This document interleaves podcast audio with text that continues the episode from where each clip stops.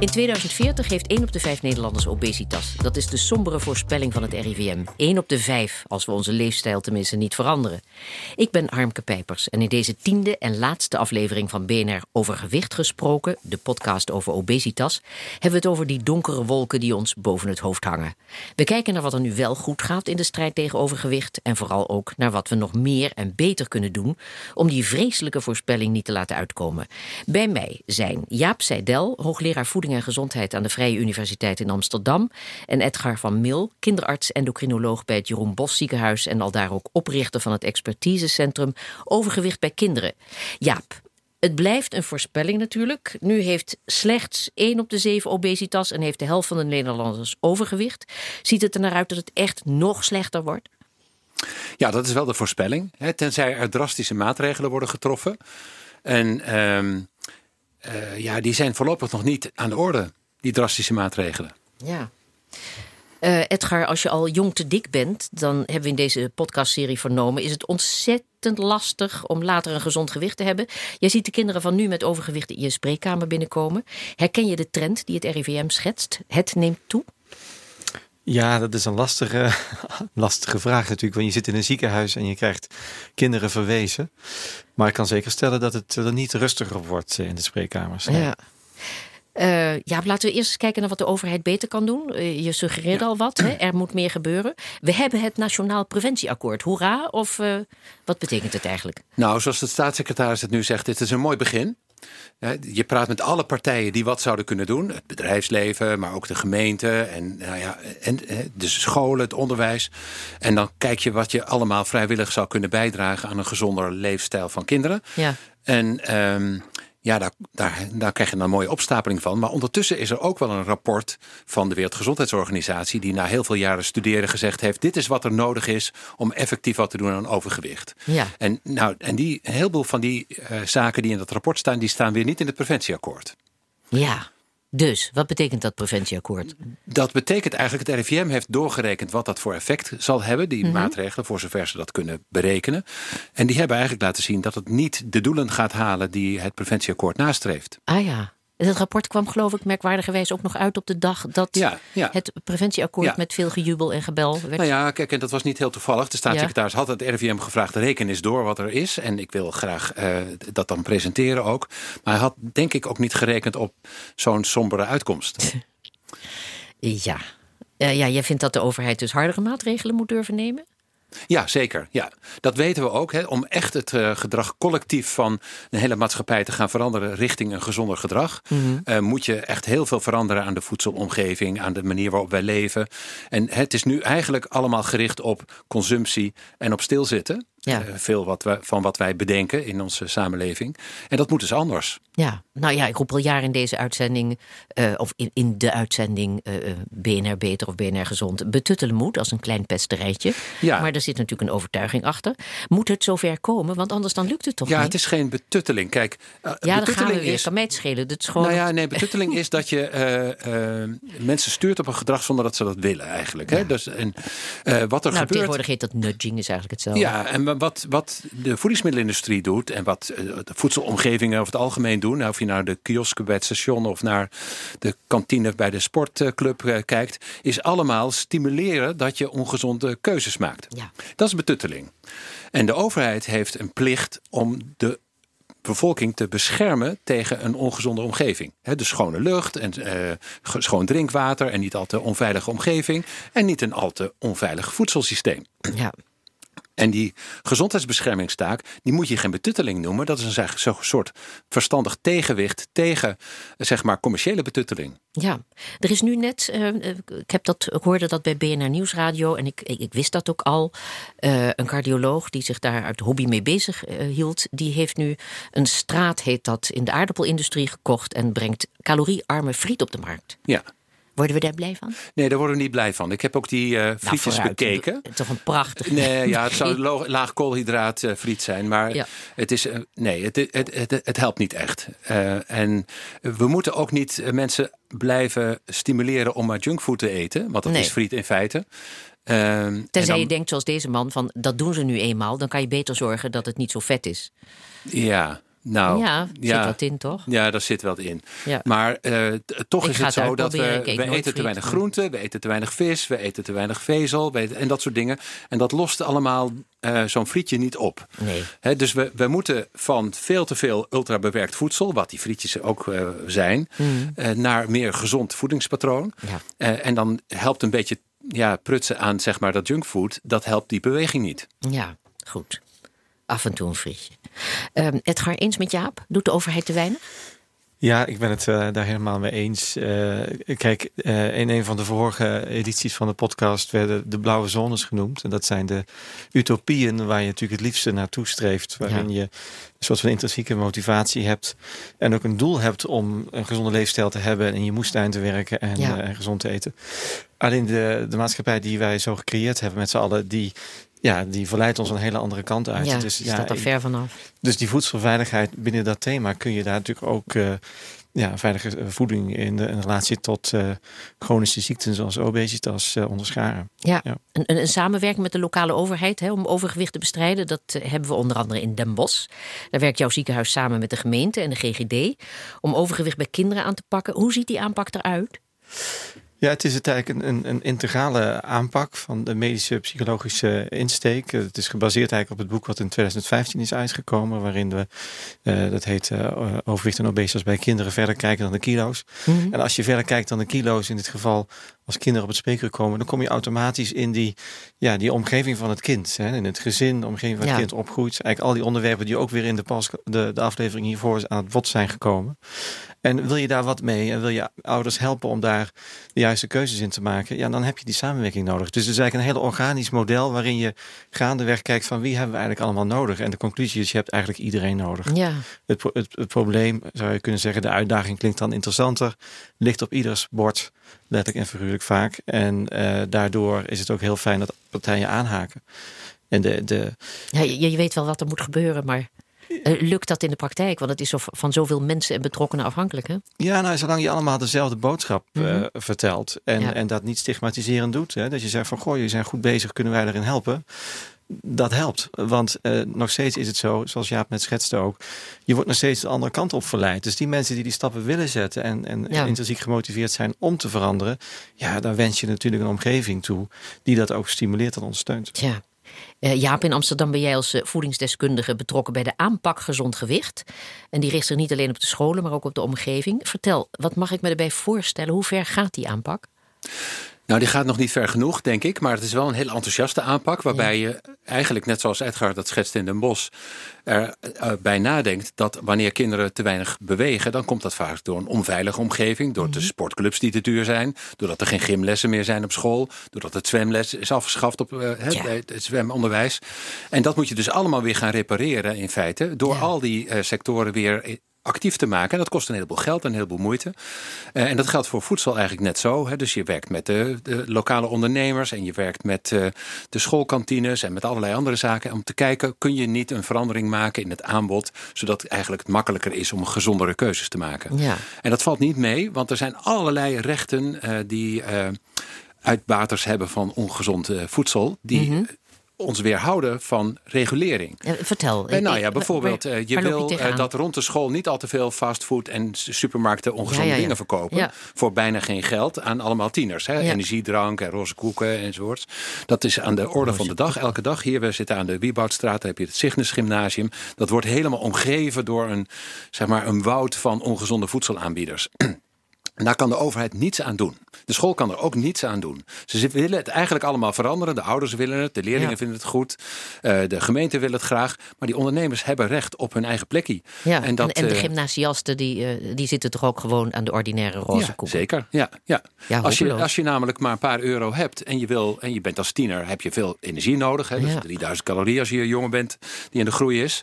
Dan heb je altijd trek.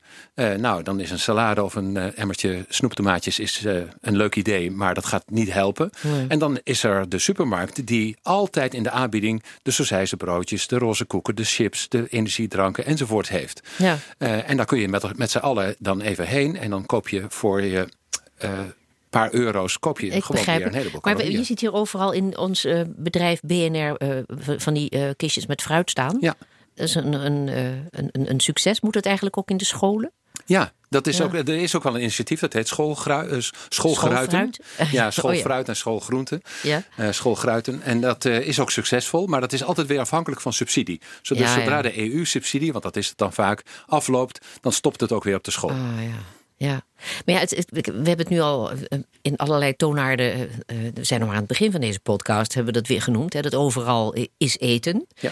Dus moeten we gewoon niet een stapje verder. Ik roep nog steeds betuttelen moed. Dus vooral in, in de achterstandswijken, zo heet dat dan tussen aanhalingstekens, heb je juist heel veel van die fastfoodzaken. En de obesogene omgeving, zoals dat dan heet. En moeten we die verbieden? Of op zijn minst veel meer regulerend optreden dan we tot nu toe durven? Ja, en dat, dat, dat, dat is een zaak van zowel de lokale overheid, hè, die geeft allerlei vergunningen af voor mensen om zich daar te vestigen op allerlei plekken. Ja. Eh, maar het gaat ook over de landelijke overheid. Die bepaalt namelijk dat je eh, kunt hè, de eh, ongezonde marketing gericht op kinderen van ongezond voedsel, dat je dat kunt doen. Dat je hele goedkope prijzen kunt, en kunt stunten in de supermarkt met ongezonde aanbiedingen. Ja. En dat, de, ja, dat, dat helpt dus niet heel erg. En dat kun je wel verbieden. Je kunt eh eh, gezonder eten goedkoper maken. Je kunt al die ongezonde troep die niks kost nu, kun je veel duurder maken. En dat is natuurlijk eigenlijk iets wat een landelijke overheid zou moeten doen. Ja, maar ik heb wel eens begrepen, er waren ook ooit initiatieven om te gaan stunten met eh, goed voedsel in plaats van met waspoeder. Ja. Ja, dat is niet gelukt hè. Nee, nou, nee, dat lukt wel. Nee, wij hebben een eh, supermarkt verbouwd eh, van een bepaalde keten. En we hebben ook Wij een hebben een supermarkt verbouwd? Ja, samen met, met de, in overleg met de supermarkt natuurlijk. Ja, ja. Eh, hebben we alles wat we weten over nudging, hè, dus Ja. schaarste en prijzen en leuke ideeën en nou, overal tegenaan lopen tegen groente en fruit, hebben wij die supermarkt als een soort eh, groente- en fruitparadijs gemaakt, Ja. waarbij je ook andere dingen kon kopen, maar die stonden dan wat verder weg. Ja, ja. En dat, dat hielp echt. Ja, dat Ja. hielp en helpt het nog steeds? Is hij er nog Eh, steeds? nee, want de supermarkt is niet heel tevreden, want de omzet ging natuurlijk omlaag. Want die zit Ja, vooral ja. in al die on- ongezonde dingen. En dat is natuurlijk wat, wat de supermarkt niet kan blijven doen. Ja. Eh, dat helpt als de overheid, en dat zeggen de supermarkten zelf ook, op een bepaald moment wat zegt over wat wel kan en wat niet kan en wat iets mag kosten. Ja. Mede dankzij deze podcast weten we dat eh, op je 21ste ongeveer, hè, als je volwassen wordt of bent, dat dan het setpoint voor je hele leven is bepaald. En dat eh, als je op dat moment te zwaar bent, het bijna onmogelijk is om alsnog op een, gezond gezicht, eh, op een gezond gewicht te komen. Die wetenschap, dat betekent toch een enorme verantwoordelijkheid om die kinderen dat leed en de maatschappij die enorme kosten te besparen. Wat voor conclusie zouden we hieruit moeten trekken? Nou ja, en ik, ik weet ook niet of ik het eens ben met die leeftijd van 21. Ik denk dat het al veel eerder gebeurt. Hè? Dat Oké. De eerste duizend dagen na conceptie, daar hebben we het steeds vaker over. Dat is dus de tijd tijdens de zwangerschap en de eerste twee levensjaren. Daar wordt in al heel veel vastgelegd wat er later allemaal mis kan gaan. Ja. Eh, smaakvoorkeuren, maar ook eh, eh, motoriek en al dat soort dingen. Maar ook hoe je hersenen reageren op voedsel. Hoe je metabolisme in elkaar zit. Dat wordt daar eigenlijk bepaald. Wij zien dat de grote gezondheidsverschillen in een stad als Amsterdam... dat die al beginnen op vijf maanden oud. Ja, ja. Dan zie je al heel grote verschillen in overgewicht... maar ook allerlei andere risicofactoren en gedrag. En, Dat klinkt helemaal hopeloos. Want eh, nee, nee, herinner- nee. Nee, dat herinner betekent- nog even aan de proeven waarbij dus eh, baby's in het vruchtwater suiker eh, in ges- gespoten Ja, ja, ja. kregen. En dan gingen ze veel harder drinken. Nee, het, geeft juist hoop, want je kan heel veel doen dan in die tijd. Als je in die tijd zorgt dat de groei en ontwikkeling op een juiste manier gaat, dan heb je daar nog een hele leven profijt van. Dus Ja. we moeten ons ook wel concentreren, juist niet wachten tot 21, zal ik maar zeggen. Want ja, dan eh, is het eh, onheil eigenlijk al geschied, zal ik maar zeggen. Ja. Dus veel meer concentreren. En we hebben in Nederland een fantastisch systeem. Hè, met met eh, de, de consultatiebureaus, de jeugdgezondheidszorg enzovoort. Waarin kinderen Mhm. regelmatig worden gezien door zorgverleners en door allerlei andere mensen die verstand hebben daarvan. En daar kun je dus veel meer op ingrijpen. En dat, daar, daar zetten we in Amsterdam ook erg op in, op die eerste duizend dagen na conceptie. En een kansrijke start en dat soort zaken. Want daar beginnen ook de gezondheidsverschillen. Ja. Edgar, eh, de verantwoordelijkheid, moet die veel eerder genomen worden? Moet er veel meer eh, gereguleerd worden en opgetreden en hoe zullen we het noemen? Eh, nou ja, de verantwoordelijkheid moet zeker genomen worden. Die ligt natuurlijk primair bij de ouders. En, en even terugkomend op het verhaal wat, wat Jaap net zei over die eerste duizend dagen. Dat is juist ook een periode waarin ouders heel erg openstaan voor, voor advies. En juist heel erg zeg maar, gedreven zijn om de juiste dingen te doen voor, Ja. eh, voor hun kind. Dus om die reden is het overigens ook zo dat we uh, daar ook in het bos verder veel aandacht aan besteden. En ik heb mhm. nu het geluk dat ik per 1 oktober hoogleraar ben geworden aan de Universiteit Maastricht. En een van de thema's waar, waarin wij ons gaan focussen is juist die eerste duizend dagen. Dat gaat ook over voeding en gezondheid in, dat, in die periode. Om te kijken van hoe, wat zijn nu de beïnvloedaars zeg maar, van die periode hoe ontwikkelt zeg maar, bepaald voedingsgedrag zich in die periode? En kun je daar dus op een positieve manier daar uh, invloed op uitoefenen. Ja. En, en welke partijen moeten daarvoor samenwerken? Um, ja, kijk, dat zijn eigenlijk de, de, de, de klassieke partijen. Hè. Er werd al gezegd, het consultatiebureau, de huisartsen. Je hebt dus de zorg, maar je hebt zeker ook gewoon de scholen. Ja. Je hebt ook uiteindelijk weer het bedrijfsleven. Nogmaals, het ligt op ieders bord. En in, die, in de Mos heet dat Samen Gezond. Dus dat is eigenlijk een, een, een, een samenwerkingsverband waar, waar alle partijen aan tafel zitten. Uh, waarin iedereen telkens kijkt van... hé, hey, er is weer een, een, een, een, een, nieuwe, een nieuwe gedachte of een nieuw voorstel. Hoe past dat? Past dat in onze samenwerking? Kunnen we daar met z'n allen een bijdrage aan leveren? En uiteindelijk het allerbelangrijkste... levert dat uiteindelijk gezondheidswinst op. Ja. Bij kinderen specifiek en uiteindelijk ook... wat gaat uiteindelijk over 0 tot 100. Wat aardig is natuurlijk van... als je focus hebt op kinderen, heb je ook de ouders. Ja. En vice versa ook. Op het moment dat je zegt... ik wil mijn focus leggen, leggen op kinderen... of zelfs hele jonge kinderen... omdat daar de meeste preventieve waarde uh, vandaan komt. Dat is zo. Ja. En tegelijkertijd door ouders ook daarin beter betrekken, pak je dat hele gezin. Dus het focus ja, moet eigenlijk. Dus de kindertjes meer groente zijn. laten eten. Ja, zouden toch de supermarkten daar een rol in moeten spelen? Ja, dat zouden we wel willen. Ja, ik denk maar... wel dat dat, uh, dat dat van belang is. En Mhm. ik, ik denk. Kijk, die supermarkten zijn, die zijn zo belangrijk. Als zij niet meedoen, dan blijft dat een hele moeilijke factor om mee om te gaan. En natuurlijk vanuit de, de, zeg maar de methodiek zoals we die in Den Bosch hebben opgezet. En, hè, wat het nu inmiddels de, de, zeg maar de landelijke aanpak is geworden.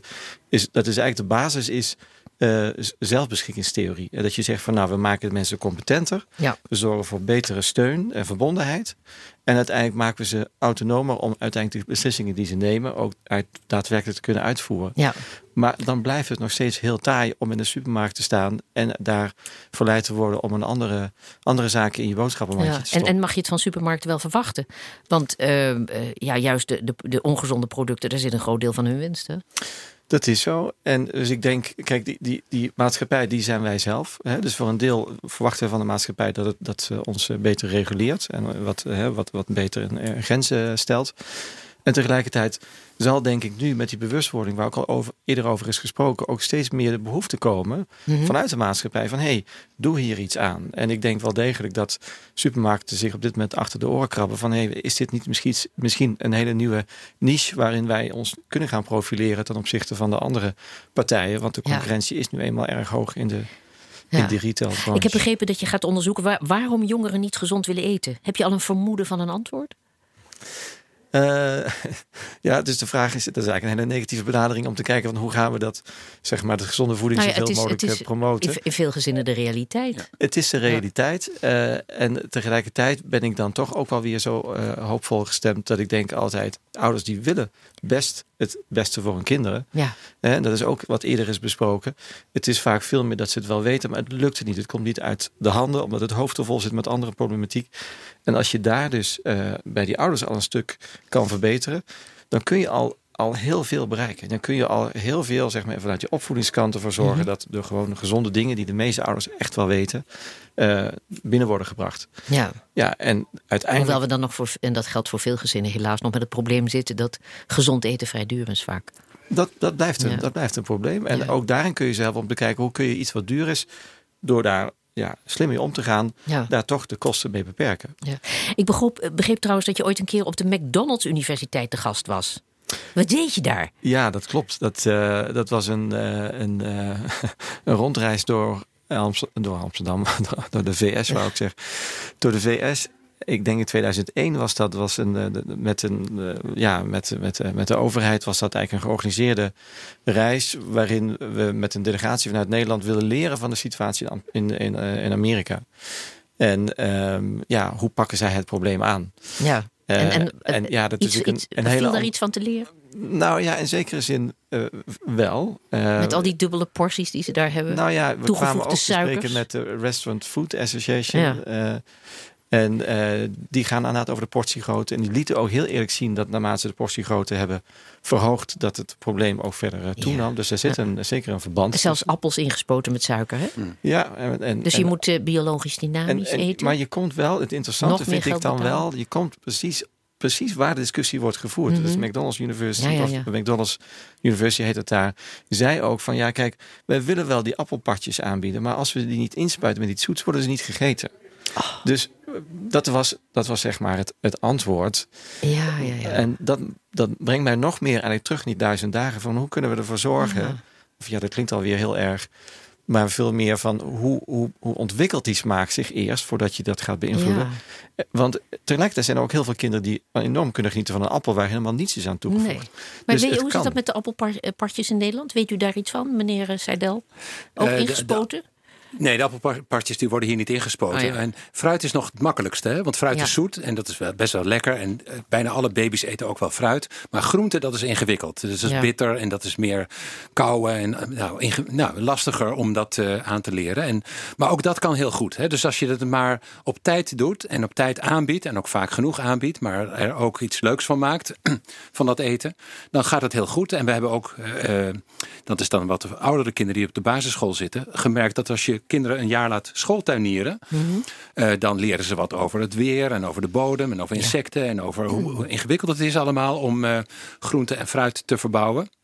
Maar je weet aan het einde van het jaar, dan is er maar één ding wat ze het allerlekkerst vinden. Dat is namelijk hun eigen groente. Precies. Ja. En eigen uh, gemaakte groentesoep van uh, de groentes die ze zelf met heel veel pijn en moeite hebben ja. uh, geoogst. En dat is denk ik ook een, een kwestie van, ja, je bent dan meer verbonden met dat voedsel. Want als je moet kiezen ja. tussen een hapje spinazie en een roze koek, ja, dan is het niet zo ingewikkeld. Dan zegt nee. je brein, doe die roze koek maar. Maar als je op een andere manier kinderen met voedsel om laat gaan, eh, en daar hebben we inmiddels best wel veel ervaring mee, ook in die eerste duizend dagen, dan gaat het eigenlijk best wel vanzelf. Ik ben blij dat je van jou te horen. Ik heb al een paar keer geroepen. Een kind wat thuis komt met een zelf geoogste bloemkool, die wil dat die opgegeten wordt. Precies, die is daar trots op. Ja. Ja, ja met, met, dat concept wordt dus ook nu onderzoek gedaan. Onder andere dus in de Venlo-omgeving. Uh, Coccarelli heet dat, Kids University. er worden kooklessen gegeven, er worden allerlei educatieprogramma's ontwikkeld. Dus daar wordt echt wel naar gekeken van hoe, hoe kunnen we daarin beter begrijpen hoe uiteindelijk die smaak en die interesse zich ontwikkelt. Ja, tot nu toe gaat het uh, natuurlijk vooral over preventie. Dat is toch hoog nodig. Maar er is ook een groep die weinig aan het overgewicht kan doen. Hè?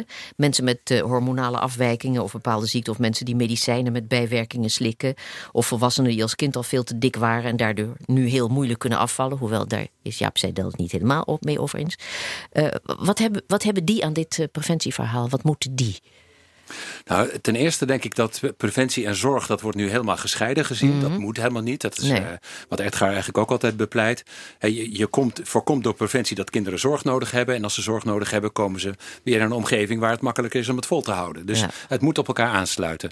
En uh, ja, in Nederland is het zo dat de, um, via de jeugdwet is het natuurlijk zo dat de gemeenten verantwoordelijk zijn voor de zorg en de preventie van gezondheidsproblemen bij kinderen. He, ja. Van 0 tot 19, daar is de gemeente voor verantwoordelijk. En dan zie je ook dat, natuurlijk is zorg is een deel, maar dat is he, dus de, de stofwisselingsstoornissen die je net noemde als, als een voorbeeld.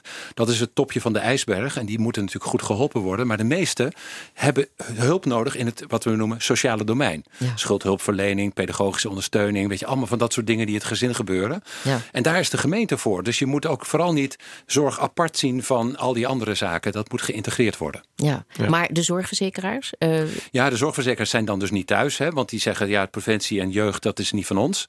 Ja. Uh, want dat is van de gemeente. en... Uh, He, dus we doen maar een heel klein stukje, zal ik, zal ik maar zeggen. Ja. En daar moet dus ook veel meer worden samengewerkt. Want dat is ja. nu ook allemaal uh, gescheiden geregeld. Ja, en, en daar staat of valt uh, voor heel veel mensen natuurlijk mee als je het niet vergoed krijgt. Edgar, ben je er ook mee bezig? Ja, dat, zeker. Dat is uh, wat we in Den Bosch proberen te bewerkstelligen. Dat je toch kijkt van hoe past dat, dat hele palet, al die puzzelstukjes in elkaar tot, tot één geheel. Want je mm -hmm. probeert die, die holistische benadering eigenlijk te, te bereiken. Dat je kijkt naar een, hè, we, noemen dat in de uh, ketenaanpak uh, brede anamnese. Dus je kijkt heel breed voor wat voor gezin hebben we hier nou. Ja. Wat, wat maakt nou dat, dat dit gezin bepaalde keuzes maakt. Uh, en, en hoe, waar hebben ze behoefte aan? Waar ze behoefte, ja, behoefte aan en hoe belast is dit gezin? En dan kom je dus in dat sociale domein, zoals net werd gezegd. En tegelijkertijd blijft die uh, zeg maar, de gezondheidsdeel blijft net zo goed relevant. Dus dat, aanvankelijk zat daar een spanningsverschil uh, of een spanning tussen, tussen die twee. Zo van, ja, moeten we ons dan helemaal gaan richten op alle problematiek in het gezin en dan blijft het kind het kind van de rekening? Nee, het moet eigenlijk allebei. Het is vaak veel meer door de zaken te benoemen en op een niet stigmatiserende manier die ouders tegemoet te komen van wat speelt er allemaal, komt er ook weer ruimte vaak bij ouders in het hoofd om weer terug te komen op de beslissingen die ze uiteindelijk best hadden willen nemen, maar dat, eh, daartoe tot dan toe niet in staat waren. Ja, maar goed, zorgverzekeraar, eh, hebben toch over het algemeen een, een, een korte termijnvisie, hè? of over het algemeen, gewoon per definitie. Want ja, eh, volgend jaar kan de klant wel bij een andere club zitten. Eh, zou ons zorgstelsel niet helemaal op de helling moeten, omdat het huidige verdienmodel van de zorg en de verzekeraars vooral gericht is op behandelen in plaats van voorkomen? Ja, nou ja, in een eerdere editie Ach, mevrouw, daar noemt u wat. U kijkt echt zo van, ja, natuurlijk, maar. Ja, ja, ja. nee, dat is... Kijk, nu is het zo, zodra het in de basisverzekering zit... dan, dan heb je dat probleem niet, hè, van mhm. welke verzekeraar. Dus dat is natuurlijk waar we ons op richten. Ja. Uh, ja, ik zijn er ook al jaren mee bezig om die, ook, ook om, die, om die zorg, hè, dat zorgdeel, hè, dat, hele preventie, wat net werd uh, gezegd, preventie en zorg komen in een piramide uiteindelijk samen, het topje van de ijsberg. Ja. Maar uiteindelijk blijft de beweging dezelfde, namelijk leefstijlverandering. En daarmee heet het dat, dat in de Bos dat centrum ook een centrum gezonde leefstijl voor kinderen. Het focus komt veel minder op gewicht eigenlijk, maar veel meer op die leefstijl. Wat, wat, wat, kun je nou beter doen in plaats van uh, telkens maar op wijzen. Uh, dus als het maar in die basis zit, dan, uh, dan, dan lukt dat wel. maar ja, een van de discussies die in een vorige editie werden genoemd, is van ja, zou het niet mo mooier zijn dat je daadwerkelijk over gezondheidszorg en niet over ziektezorg gaat hebben? Ja. ja. ja medische zorg is natuurlijk toch uh, ondertussen ook wel weer eh, verbeterd. Operaties tegen obesitas zijn behoorlijk succesvol, hè? al zijn ze wel ingrijpend. Is dat uh, goed nieuws? Ja, dat is goed nieuws. Dus voor die mensen bij wie je echt met de rug tegen de muur staat, is dat goed nieuws. Uh, tegelijkertijd is altijd de vraag van wanneer sta je daadwerkelijk met de rug tegen de muur. Mm We zien ook uh, zeker wel dat mensen die er uiteindelijk toch in slagen om die, uh, die stappen te zetten. Een mooi voorbeeld van uh, mevrouw van Vliet was dat volgens mij, die mm -hmm. eerder ook die zelf is gaan wandelen. Uiteindelijk ja. gewoon op eigen krachten, eigen doorzettingsvermogen, gewoon was het 15 kilo of zo af, ja. afviel. Dat zijn fantastische resultaten. En dan heb ja. je eigenlijk twee maar, effecten. Ja, 15 namelijk... kilo, hè? maar als je over de 100 kilo bent... Dan ja, dat is, veel, maar je, daar zit dus ook een andere leefstijl bij. Want ja. dat is vaak lastig uit elkaar te halen. Mm. Van wat is nou overgewicht? Nou, wat is nou de leefstijl die uh, dat overwicht voor een groot deel heeft uh, verklaard. Of in ieder geval heeft veroorzaakt. Uh, dus het is misschien wat minder aantal kilo's. Maar die verandering in leefstijl heeft ook een groot effect op haar gezondheid in ja, dit geval. dat is natuurlijk belangrijk. En hoe zit het met medicijnen? Het wachten is erop. Hè? Ik begreep dat er in Amerika al volop wordt getest met pillen die helpen om slanger te, slanker te worden. Ja. Uh, gaan we dat ook in Nederland krijgen? Want we zijn een beetje aan het afraken van het idee dat ieder pondje door het mondje gaat en dat je eigen schuld is. En als je dik bent, nou ja, dan heb je het aan jezelf te wijten. Ja, nou, dat, dat, dat zal gaan komen. En, en mondjesmaat zijn er die medicijnen ook al wel. Maar ook daarvoor geldt weer, die medicijnen zijn niet de oplossing. Ik nee. meen dat de, de huisarts dat vorige uh, editie had uh, genoemd ook die basis blijft leefstijl. En de medicatie ja. zal daar een paar procent in kunnen mm -hmm. bijdragen. Maar ja. je, je, zal nooit kunnen uh, verwachten van medicijnen dat ze een dergelijke effecten hebben, dat je daar eigenlijk weinig meer voor hoeft te doen. Ja. Dan maar ja, maar. ik weet ook van, van uh, diabetici, hè, die moeten spuiten. Mm -hmm. uh, er is een medicijn uh, voor hen waarmee je in tegenstelling tot insuline wel kunt afvallen. Maar dat medicijn dat wordt pas vergoed als je een BMI hebt van 30. Ja. En dat betekent dan in de praktijk, dat heb ik ook gehoord, dat patiënten nog even moeten dooreten voordat ze naar aanmerking komen. Ja, dat is toch ook de omgekeerde wereld? Um, ja, dat, dat, dat is dan jammer als je dat zo. Wat, uh, vertel ik iets nieuws? Nee. Nou ja, ik, ik ben natuurlijk zelf kinderendocrinoloog. Ja. En dit gaat over mm -hmm. volwassenen. Dus ik weet niet heel specifiek. Ik denk dat ik weet welk middel dat is. Mm. Het, het zijn vaak nou, nieuwere een middelen. Een, een merknaam toevallig te binnen. Maar het is een, een GLP-1. Hoe heet GLP-1-agonist ja, waarschijnlijk. Ja. ja. Uh, nou, over het algemeen, of het nou dit specifieke middel is of een ander middel. Meestal geldt voor nieuwe middelen dat ze zich toch eerst moeten bewijzen. Ja. Dus ook al is daar behoorlijk wat bewijs voor uit het buitenland, dan nog zie je dat Nederland daar vaak heel terecht toch wel een eigen visie op ontwikkeld. Ja. En zegt van nou laten we eerst hier beginnen. En gaandeweg kijken, kunnen we daar uiteindelijk in uitbreiden. Ja. En er zijn op dit moment ook echt wel medicijnen die al langere tijd bestaan. Die ook gewichtsverlies geven. Mm -hmm. uh, antidiabetes medicijnen zoals metformine. Dat, ja, een heel oud middel. Een heel oud middel. Uiteindelijk ja. het allereerste middel. Maar dat is nog steeds een heel probaat middel. En dat geeft ja. ook enig gewichtsverlies. En dat en insuline samen is natuurlijk ook goed. Als je, als je niet zonder insuline kunt, dan toch wel die metformine houden. Juist. Ja. Uh, Jaap? Ja. Uh, die BMI-eis van de verzekeraars, Ja. zou dat ook een beetje minder streng moeten? Nee, ik denk dat dat, eh, dat, dat niet moet. Hè? Want Mm. het gaat om heel veel miljoenen mensen die een BMI boven de 25 bijvoorbeeld hebben. Ja. En als je zou zeggen, die moeten eigenlijk allemaal aan de medicatie. Ik denk dat we dat op een verkeerde manier eh, bezig zijn met het oplossen van dit, eh, dit probleem.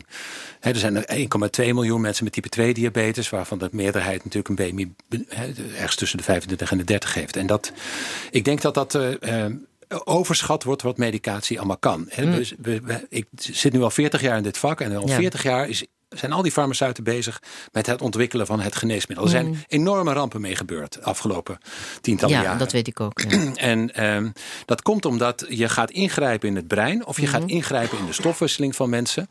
Eh, en we weten ook dat bijvoorbeeld als je in de hypothalamus gaat zitten prutsen met een, gene- met een eetlustremmer, dan remt dat ook allerlei andere dingen. Ja. En dat, Kan je eh, depressief worden enzovoort. ja, enzovoort. dus al Ja. die zaken. En je moet ook niet Maar goed, we vergeten, hebben heel veel- die middelen veel- die werken Ja. wel, maar die werken maar zolang je ze inneemt. Dat betekent dat je ze levenslang moet innemen. Dus als Ja. je een jong volwassene bent van 24 met een BMI van 25 en je hebt al beginnende type 2 diabetes, moet je dus naast die diabetesmedicatie ook al, al dat soort dingen doen. Ja. Dat zou een goed, oplossing als je- zijn als we geen andere oplossing hadden. Maar kijk, we weten dat het heel goed mogelijk is om met leefstijl echt wat te doen aan die gezondheid. Eh, er zijn allerlei programma's, leefstijlprogramma's en ook zoals Keer Diabetes Om en eh, Leefstijl als Ja. medicijn en dat soort eh, zaken. We weten dus dat het heel goed mogelijk is als je het maar aanbiedt en ook wel goed begeleidt. En dat doen we niet. Hè? Dus Ja. het is nog steeds drie uur diëtist, diëtist die je vergoed krijgt en daar ga je. Maar het is, het is, ik kan me ook voorstellen, dat mensen hebben het vaak heel erg moeilijk. En wat dat betreft moet natuurlijk ook heel veel in de mentaliteit veranderen. Hè? Dus als ondersteuning om dat uiteindelijk op je Dat eigen is- mo- motortje en je, je, je, je Dat is prima, motivatie maar dan moet je het ook zo, zo zien, denk ik. En niet als een oplossing, maar meer als een ondersteuning en een, oplossing. en een tussenoplossing. Ja. Het, het, het blijft toch maatwerk. Ik Ja. bedoel, Dat is natuurlijk het. Mhm. In in het geval van een, in de ziekenhuiszorg en de zorg in het algemeen heb je natuurlijk met individuen te maken. En je kijkt wat werkt voor deze persoon het beste. Ja. En soms kan dat zijn om tijdelijk even een drempel over te gaan. Maar dat blijft, ik ben het helemaal met Jaap eens. Het, het doel moet niet zijn om levenslang aan de medicijnen te gaan. Nee. Als er eigenlijk betere oplossingen zijn. Om in ieder geval eerst te kijken of met leefstijlverandering effecten bewerkstelligd Ja. Ja, want dat idee worden. dat, dat je 21ste je nooit meer kan afvallen, Mhm. dat is e- echt bewezen niet waar. Oké. Dus er- zijn zo verschrikkelijk veel voorbeelden van mensen die dat eh, wel gelukt is. Ja. Ehm, en we weten alleen Maar je hebt dat. wel een stevig probleem. Wanneer heb je een stevig Ja, als je eh, op je 21ste, zeg maar, volwassenheid, al die, die Want dat- stevig die vetzellen die verminderen ja, nee, natuurlijk, niet En daarom zeg ik ook, je moet veel eerder beginnen. Je moet niet Ja. wachten tot het zover is gekomen. meer. Ja. Maar als het zover is gekomen, moet je ook niet zeggen. De meeste van die diabetes-omkeerprogramma's, dat zijn van mensen die gemiddeld eh, tussen de 60 en de Ja, 70 ja, zijn. zeker, ja. Dus dan kun je nog steeds een heleboel doen. Hè? Dus het idee, dat, dat- ik waarschuw een beetje voor het fatalisme. Zo van ja, als die vetcellen eenmaal gegroeid zijn op je 21ste, ja, dan is het een eh, verloren slinken. zaak. Ja. Dat, is de, dat is niet waar. Mhm. Eh, en je kunt nog heel veel in gezinnen doen, ook met de ouders, maar ook als mensen al echt boven de 60 zijn, Ja. met een gezonde leefstijl. Maar je onderschrijft dan ook niet de theorie eh, eh, dat zeg maar, die vetcellen, dat, dat er een setpoint is en dat die vetcellen, ook als jij flink, flink, hoe heet het, flink afvalt, dat dan dat lichaam toch zelf weer gaat streven naar meer eten, want we moeten naar dat setpoint weer toe. Ja, dat is, niet- dat is ook echt niet waar. Hè? Dus dat, eh, want dat zou betekenen dat we het gewicht wat we op onze 21ste hebben, dat dat het setpoint is voor ons Mhm. allemaal. Maar we nemen enorm in gewicht toe naar onze 21ste. Dus dat, is, hè, dat zou dan tegengewerkt worden. Die setpoint-theorie, die, dat Ja. setpoint dat verandert Misschien dus moet het dan ook wel niet. Eh, Vind ik nou altijd ja, zo'n dus dat- vervelende boodschap van ja, nee, je wil- dan eh, neem je ja, ieder jaar eh, Ja, een kilootje meer. Ik- Ik, ik denk dat, dat het idee dat je op allemaal dat, dat- dat alles gereguleerd wordt met setpoints. Mhm. Er zijn ook mensen die zeggen ja, dat setpoint ligt eigenlijk al op tweejarige leeftijd en niet op 21-jarige leeftijd. Ja, of zesjarige leeftijd. Of zesjarige leeftijd. Maar er zijn ook Ja, ja. mensen die zeggen ja, dat ligt op een 50-jarige leeftijd. En misschien is het wel. eh, is het er wel helemaal niet. Ja. Eh, maar ik zou vooral niet eh, dat als uitgangspunt nemen en zeggen van de vetcellen op je 21ste daar Nee, heb je mee daar- te doen. daar moet je en in dan, ieder geval dan kan je niet niks mee aan beginnen. veranderen. Want Ja. dat is echt niet waar. Het is een multifactorieel probleem. En Ja. die, die diverse factoren blijven een rol spelen je hele Ja. leven lang. Ja. Ik weet dat eh, er eh, deskundigen zijn die het niet met jou eens zijn, eh, Jaap. Maar Vast. eh, die hebben we hier niet bij de hand. Die waren vooral te horen in aflevering 1, dames en heren. Aflevering 1. Eh, eh, sprak zij stokerig. Nee hoor, zo is het niet bedoeld, maar om het evenwicht te herstellen, nietwaar. Maar eh, we hebben het dan toch vooral over de, over, eh, over de eigen verantwoordelijkheid. Ja. Ja, en, en dat blijft natuurlijk moeilijk. Hè? Hoe, hoe ver reikt dat? Want niet alle mensen zijn er toe in staat om die verantwoordelijkheid te nemen. Dat is Nee. het zere punt. Ik, ik beschouw het altijd maar als een, als een plaatje wat ik altijd teken. waarin iemand een bal voor zich uitrolt. Hè. Dat is je gezonde leefstijl. Dat moet je zelf doen. Dat kan niemand voor jou doen. Dus dat is Ja. eh, je eigen verantwoordelijkheid. Maar hoe st- steil de helling is waar tegen je die bal moet rollen. dat wordt door de maatschappij bepaald. En voor sommige mensen is dat. Hè, je woont in een achterstandswijk. Je hebt weinig kennis, weinig vaardigheden. ongezonde omgeving. Eh, ja, dan is die helling heel erg steil. Ja. Eh, en we moeten er als maatschappij voor zorgen dat voor iedereen die helling zo plat mogelijk is. En dan kun je mensen aanspreken op hun eigen verantwoordelijkheid. Ja. Tot slot. ehm, Vragen jullie beiden. We begonnen deze uitzending met eh, de voorspellingen van het RIVM, hè, die vreselijke voorspelling. Delen jullie die verwachtingen? En heeft één op de vijf mensen obesitas in 2040? Hoe denken jullie dat de wereld er dan bij ligt? Mevrouw. Durf- durf- durf jij die ik uitspraak? zie van Ja. Nou ja, kijk, als het beleid zo blijft als, als nu. Ja. Dan gaat dat, die 20% gaat er komen. Dat heeft het RIVM ook voorspeld. En ook uitgerekend zelfs Gaat de met zorg die failliet? maatregelen. Nou, gaat de zorg failliet enzovoort. Dus er moet meer gebeuren. Hè. Dat is Ja. net zoals met klimaat en zo. We, zien, we kunnen alles uitrekenen, maar het is allemaal te weinig. Ja. Dus er moet wat drastischer ingegrepen worden in onze maatschappij en manier van leven. Eh, en ik denk, wanneer dat gebeurt, wanneer de wal het schip keert, zeg maar, want dan worden de zorgkosten gewoon te hoog.